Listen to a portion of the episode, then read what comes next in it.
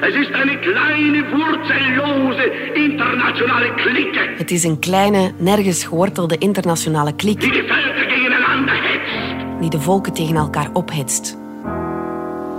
We zijn Berlijn, november 1933.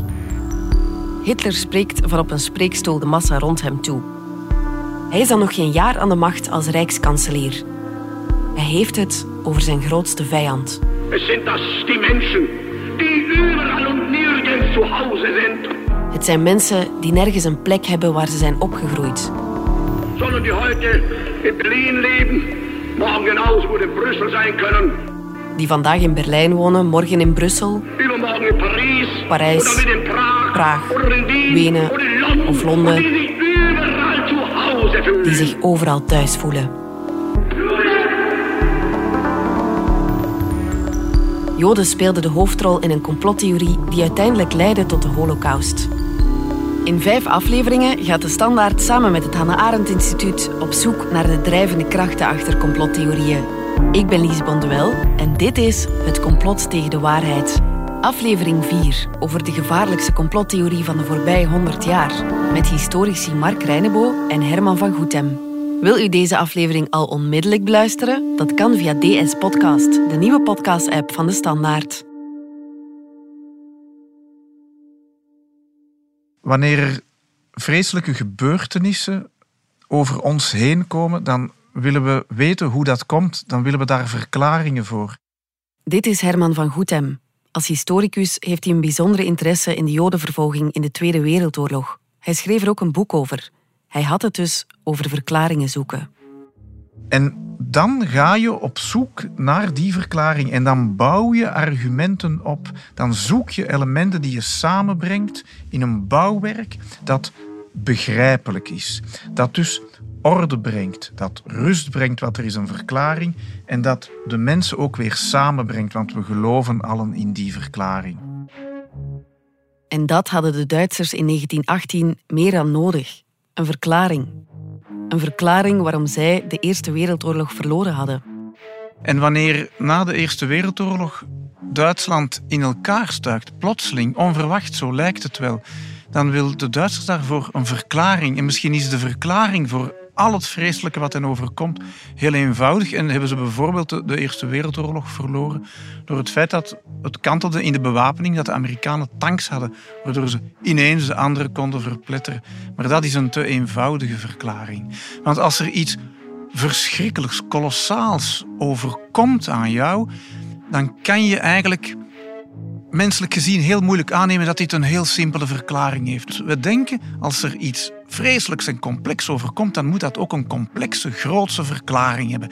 En dan komt het complot tot stand, waarbij verhalen worden opgebouwd die strategieën inhouden en allerlei geniepige manoeuvres van mensen die overleg plegen enzovoort. En dan krijg je een helder beeld dat begrijpelijk is van wat zich heeft afgespeeld, dat ingewikkeld is, maar jij hebt het door. En samen met jou hebben vele anderen het door. En jij weet wat de waarheid is en daarom is het gebeurd.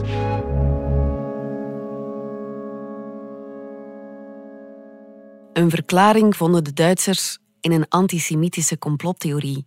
Een complottheorie die stelt dat Joden strijden voor wereldheerschappij. De Joden vechten voor de suprematie over de wereld. En dat zal de ondergang zijn van Duitsland, ondergang van het Arische ras. En dat is natuurlijk een heel sterke theorie. Want als je daarin gelooft, dan moet je alle middelen gebruiken om je tegen de Joden te verzetten. En dan zal je vergeleiden in een genocide. Het is een interessant aspect van zeker deze complottheorie. Dat is dat ze eigenlijk volledig redelijk en logisch lijkt. Dit is Mark Reinebo, historicus en redacteur bij De Standaard. Wanneer je ervan uitgaat dat er een doodsvijand is die het op jou gemunt heeft, is het enige antwoord: je moet de andere, de vijand, zelf vermoorden eer hij de kans krijgt om jou te vermoorden. En zo heb je een opbod van twee absolute tegenstellingen. En dat ligt in de ratio van zo'n complottheorie. En zo gebeurt het dat onder Hitlers bewind 6 miljoen Joden worden vermoord. Maar hoe komt het dat net Joden zo vaak de schuld krijgen van alles wat misgaat in de wereld? Waar komt dat beeld vandaan? De Joden zijn een aparte groep in de samenleving. Ze leven in de diaspora, ze hebben geen land, terwijl alle andere volkeren landen hebben. Door zich niet te integreren overleven ze, want als ze zouden integreren zouden ze verdwijnen. Dus ze integreren niet en ze behouden hun eigen taal, hun eigen geloof, hun eigen gewoonten. En ze gaan die ook nog cultiveren, precies omdat ze geen land hebben. En dat maakt hen heel kwetsbaar.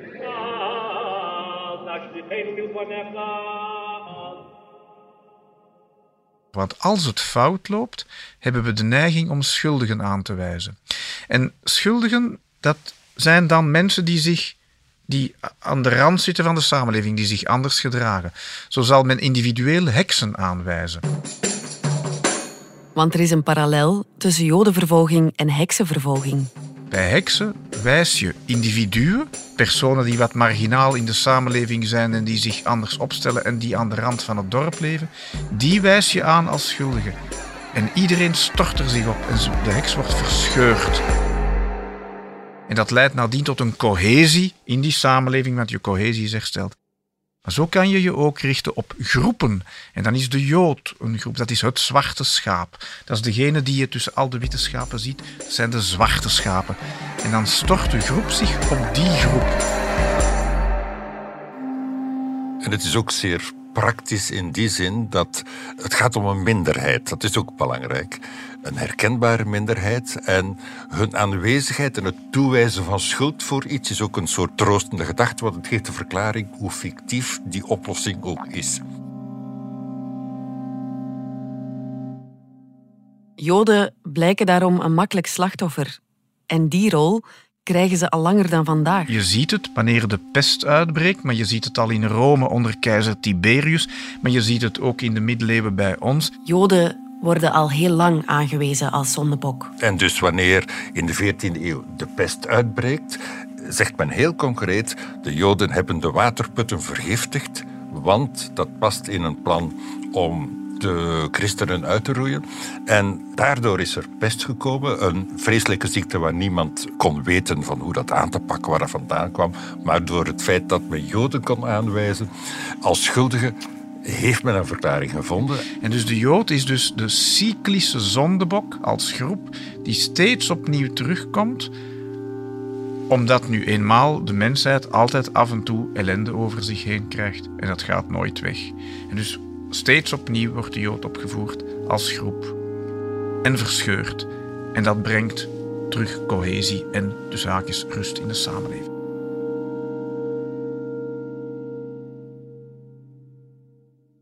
dat antisemitisme dat over vele eeuwen is gegroeid, heeft uh, in de late 19e eeuw een document gekregen. En dat een grote invloed heeft gehad het document waar Mark Reinebo het over heeft, heet De Protocollen van de Wijze van Zion.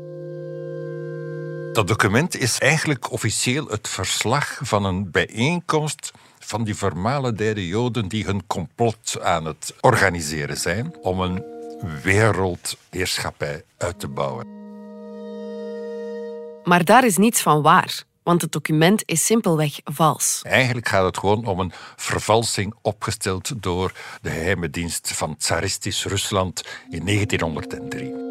And it purports to be the minutes of a meeting of Jewish elders from 1897 dit is Richard Evans. I'm Richard Evans. Een van de meest eminente historici die Wereldoorlog 2 bestudeert aan de Universiteit van Cambridge.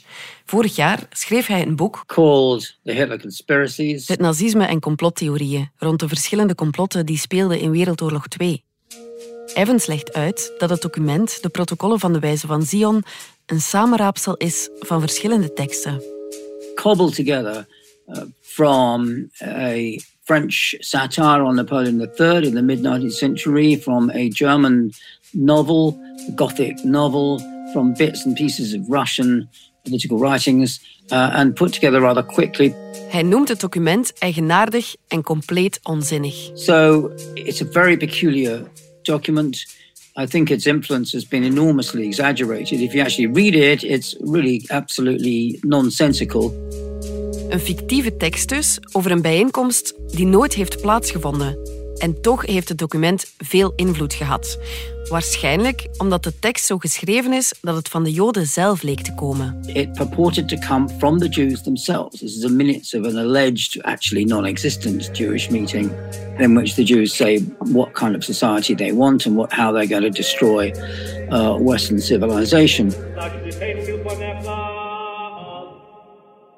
Het interessante aan deze tekst, en dat is ook de reden waarom hij nogal wat invloed heeft gehad tot vandaag eigenlijk, blijft hij circuleren, is dat het een bevattelijk overzicht geeft van wat men al lang vermoedde, wat men al lang voelde of dacht te denken en te vermoeden over de kwaadaardigheid van, van Joden, en met name van machtige Joden of rijke Joden. In dit rapport stond het allemaal netjes, systematisch, overzichtelijk, helder bij elkaar gebracht. En iedereen die vage vermoedens had, kon die hier allemaal bevestigd en gestructureerd zien. En dat geeft een soort inzicht, natuurlijk een vals inzicht, maar een inzicht voor mensen die daarin geloofden. En daarom kon die tekst ook zo lang meegaan. Ook Hitler liet zich door de tekst inspireren. En ja, in het begin zie je van zijn uh, politieke carrière bij uh, Hitler, uh, Adolf Hitler, wanneer hij als politicus aan de slag gaat, zie je dat ook hij zich daardoor laat inspireren. terwijl je al snel zal merken, eigenlijk is dat geen authentiek document. Maar of de tekst nu authentiek is of niet, dat doet er niet eens toe. Maar het, authenticiteit is, geen, is niet het probleem. Het gaat erom, je hebt hier een formalisering van dat wereldcomplot. En het geeft eigenlijk ook een moderne interpretatie aan het antisemitisme en, en de haat voor Joden die zich over eeuwen lang heeft uh, uh, uh, ja, ontwikkeld. En daarmee kan je eigenlijk zeggen, het antisemitisme komt ook in een modern 20e eeuws uh, stramien terecht. Er is een tekst, hier is het plan, dit is het complot. Maar als geweten was dat het document vals was, hoe kan het dan dat de tekst zoveel invloed heeft gehad? Het wordt vaak geciteerd, het wordt vaak vermeld in de publicaties, in antisemitische pamfletten, in officiële partijorganen. Maar het is ook niet nodig om het zoveel de hele tijd te herhalen, want het past in een algemeen discours dat de hele tijd wordt herhaald. En ja, goed, dat het vermeld wordt in de protocollen is dan uh, meegenomen, maar het zit misschien niet in de kern van het antisemitische discours. Het feit dat er daar een bijkomend document is dat interessant samenbrengt. Ik denk dat ook zonder de protocollen van Sion het antisemitisme in Duitsland uiteindelijk op die manier zou zijn aangezwengeld.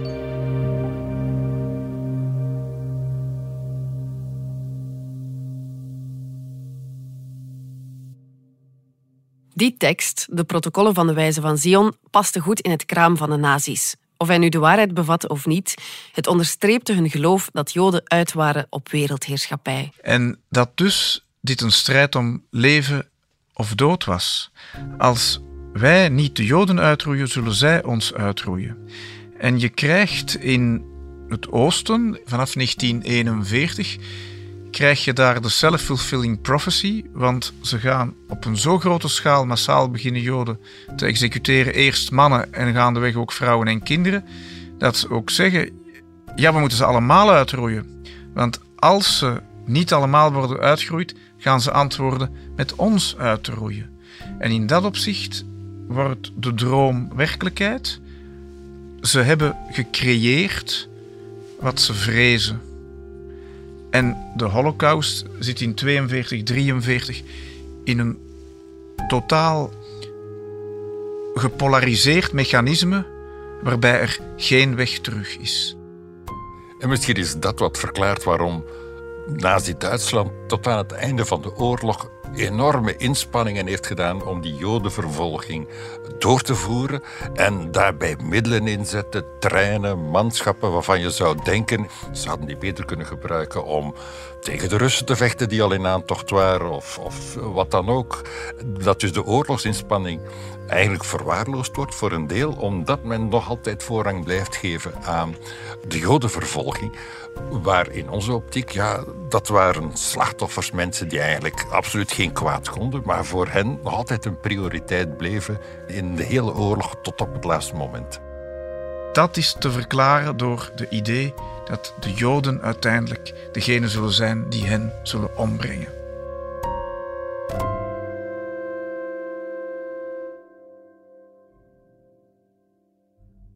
Hoe kan het dat zoveel mensen massaal geloven in zo'n compleet van de pot gerukt idee? Most Germans were not particularly anti-Semitic, but once they came to power, they, of course, coordinated and took over all the media. De nazi's hebben namelijk een wondermiddel gevonden om hun complottheorie te verspreiden. Propaganda is een zeer efficiënt middel om een complottheorie te verspreiden en aanvaardbaar te maken, omdat ze voor eerst iets zegt, ze stelt het aanwezig en ze geeft er een context aan, heeft er een verklaring voor. Ze legt dat uit. En zo was in Nazi-Duitsland bijzonder goed ontwikkeld. De inspanningen die uh, de nazi's hebben gedaan om bijvoorbeeld de radio-uitzendingen te controleren. Uh, er was ook uh, de film is uh, zeer uitgebreid gebruikt als propagandakanaal en dan eigenlijk niet zozeer die openlijke antisemitische films bijvoorbeeld, maar eerder romantische comedies die dan een soort onderhuidse boodschap verspreiden. Mostly radio and cinema and the newspapers and magazines, they're all coordinated by the Nazis, taken over and made to pump out every day quantities, huge quantities of anti-Semitic propaganda.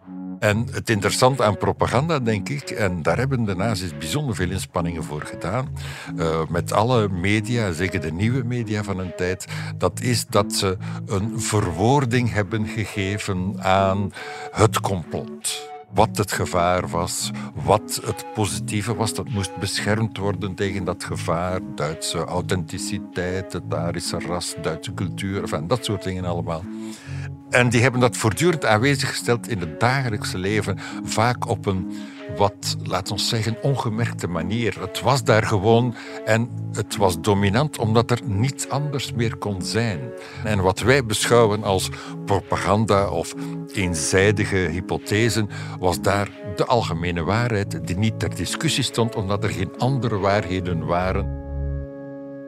En vooral, alles wat nodig was om propaganda het meest succesvol te doen werken, was aanwezig. We kunnen hier in deze context spreken over propaganda in een land waarin er geen vrijheid van meningsuiting is. Dat is essentieel, geen vrijheid van meningsuiting. En ten tweede, men is dan in de context van de boodschap die men gaat verspreiden bereid om desnoods te liegen. Desnoods verzwijg je, desnoods zeg je onwaarheden, omdat je dus je grote doelstelling voor ogen houdt. Het doel heiligt de middelen geldt helemaal voor propaganda.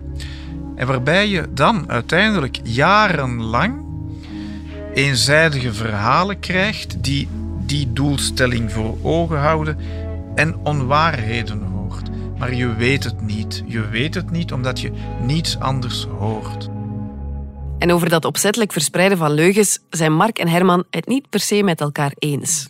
Ik denk dat je moet uitkijken als je zegt er worden ook leugens verteld of dingen verzwegen, omdat die niet ervaren worden als leugens. In de logica van propaganda is een feit of een nieuwsgegeven of een kenniselement dat hinderlijk is, dat tegenspreekt wat je denkt, is onwaar. Men, men, erkent het niet, er is geen bewuste leugen. Uh, men houdt een bepaald narratief in stand, een bepaalde vertelling, een interpretatie van de wereld. Hier, hier, wil, ik je, hier wil ik je toch een beetje tegenspreken. Je ziet in de oorlogsdagboeken van Goebbels heel duidelijk dat hij op bepaalde momenten zijn er dingen die ze bewust liegend in de pers neerzetten. Ze doen dat en ze weten dat dat is eerder uitzonderlijk, maar globaal in de massacommunicatie doet het zich wel frequent voor dat men heel bewust onware dingen zegt. Ja, maar het, het, gaat om het narratief in stand houden. En dat heeft maar één criterium. Steunt het het verhaal, de dominante strekking van wat we willen vertellen, of niet? Waarheid of onwaarheid is eigenlijk onbelangrijk. Moet dat gewoon steunen en zoveel mogelijk aansluiten bij wat mensen zelf ervaren. Een voorbeeld van zo'n bewuste leugen die in de propaganda wordt gebruikt, kan je zien in de film Theresienstadt.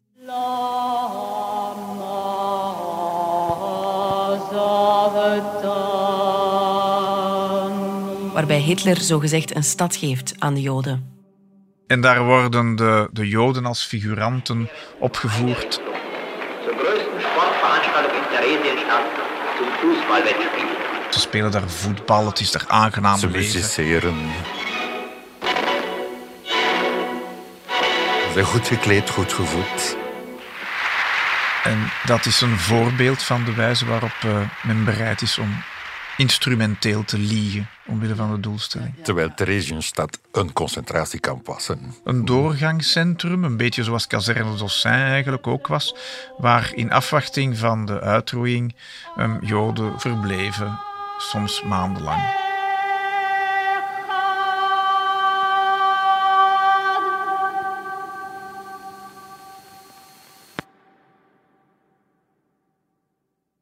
Wie goed naar de Tweede Wereldoorlog kijkt, doet een opvallende vaststelling. De grootste wandaad van die oorlog, de Holocaust, werd gebaseerd op een diep geloof in een volstrekt ongefundeerde complottheorie. Maar het feit dat die volkerenmoord aan het gebeuren was, werd juist door bijna niemand geloofd. Het is heel moeilijk voor ons om dat nu te begrijpen. Wij realiseren ons niet dat in 1942, terwijl daar de genocidale industrie op volle toeren draait, dat men dat niet wist. En daar zijn gruwelijke voorbeelden van. Bijvoorbeeld, op het moment van de jodendeportaties is er een moeder die opgesloten is in de Dossin-kazerne, maar haar kinderen zijn niet opgepakt, want die waren bij vriendjes gaan spelen. En die moeder verzet hemel en aarde om te zorgen dat die kindjes mee kunnen vertrekken. En voor haar, oef, ze kunnen mee vertrekken. En Maar ze het is vertrekken naar Auschwitz. en het is vertrekken naar Auschwitz. Ze realiseert zich dus niet dat, we zijn september 42, dat ze kinderen massaal gaan worden uitgeroeid. Er is zo weinig wat men weet in die periode. Wij kunnen ons niet realiseren hoe onwetend mensen waren. Het interessante vind ik de- in dit geval de relatie tussen de complottheorie en het, de waarheid. Want wij denken vaak rationalistisch, "Ja, de waarheid is toch dit en dat. Maar aan de ene kant is die weinig bekend. De jodenvervolging, en zeker de uitroeiing, is een staatsgeheim waar men in Nazi-Duitsland niet over spreekt. Je hebt snippers informatie die de ronde doen, maar waarvan je niet weet. Is ook een tijd van censuur, van propaganda, van alle kanten. Je weet eigenlijk niet goed wat of wie je moet geloven. Dus is het makkelijk om te veronderstellen, ja, het zal wel niet zo'n vaart lopen, want die Duitsers zijn natuurlijk barbaren. Ja, het zijn oorlogsvoerders, maar enfin. En het is dus ook moeilijk te aanvaarden dat zich dit afspeelt, ook omdat het nergens bevestigd wordt. Er is nooit een zegenbulletin van de nazi's, we hebben onze miljoenste Jood vermoord. Dus de relatie tussen wat de complottheorie vertelt, er is een gevaar, we moeten dat oplossen, en de realiteit, de waarheid op het veld, zijn de Auschwitz, de gastkamers, die laten zich moeilijk verenigen. En men houdt het bij dat officiële narratief van de complottheorie, van de propaganda. Het wordt opgelost. En dan zie je dingen gebeuren waarvan je eigenlijk de concrete realiteit niet meer kent. En zelfs al zegt iemand de waarheid, dan nog wordt die niet noodzakelijk gehoord. Zo is er de trotskist Henri Mandel, die ehm, einde 1941 in een Antwerps verzetsbladje schrijft: Joden, wat er gaat gebeuren is dat men jullie systematisch gaat oppakken met de bedoeling jullie uit te roeien. Je moet absoluut een schuilplaats zoeken. Je moet iets voorbereiden, want de onderduik is geen lachertje. En je gaat mensen vinden. Er zullen veel mensen bereid zijn om jullie te helpen onderduiken. Maar alsjeblieft, werk daaraan. Bereid dat goed voor. Want het moment zal komen waarop het te laat is. Maar niemand geloofde hem, roepende in de woestijn. Wanneer in december 1942 van op de BBC ehm, wordt verklaard dat de Joden systematisch worden uitgeroeid, en het is dan dat dat bericht hier komt, dan gaan er nog veel mensen dat niet geloven. Dan zeggen ze dat is geallieerde propaganda. Maar ze vertellen het dan wel en de mensen horen het dan. Maar goed, zou het waar zijn? Het zal wel iets anders zijn, je weet het niet.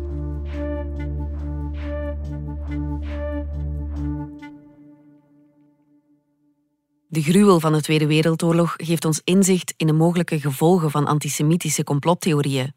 Maar ze heeft die theorieën niet de wereld uitgeholpen. de volkerenmoord door de nazi's, heeft op zich zelfs aanleiding gegeven tot een specifieke nieuwe complottheorie, het negationisme. Het negationisme is een, uh, een, uitloper eigenlijk van uh, de antisemitische complottheorie die de Holocaust heeft opgeleverd. En het negationisme stelt die holocaust heeft niet plaatsgevonden. Het is gelogen. Dus dat is een andere complottheorie die, laten we zeggen, politiek geruststellend was voor wie dat hinderlijk vond, eh, de, de holocaust, als, of de revelatie daarvan. Dat is een vrij marginaal verschijnsel. Maar in een paar landen, waaronder België, eh, vond men het nodig om dat ook wettelijk te verbieden. In die zin dat je de holocaust niet mag minimaliseren, ontkennen, etc. En de vraag is inderdaad, en dat is bij historici denk ik bestaat daar toch een zekere consensus over de wet hoeft zich daar niet mee, mee, te bemoeien, omdat je ten eerste moet een overheid geen waarheden vastleggen. De overheid moet niet zeggen wat de officiële historische waarheid is. En aan de andere kant, wanneer je negationisme verbiedt, loop je het risico dat mensen die nuances aanbrengen, die alternatieve visies aanbrengen, die er wel degelijk gesteund zijn op degelijk historisch onderzoek, ja, dat je die eigenlijk het, het academische werk, het wetenschappelijke nadenken onmogelijk gaat maken. Omdat er altijd toch een dreiging is van ja, misschien zal dit gepercipieerd worden als een minimalisering of wat dan ook, of een afwijking van officiële waarheid.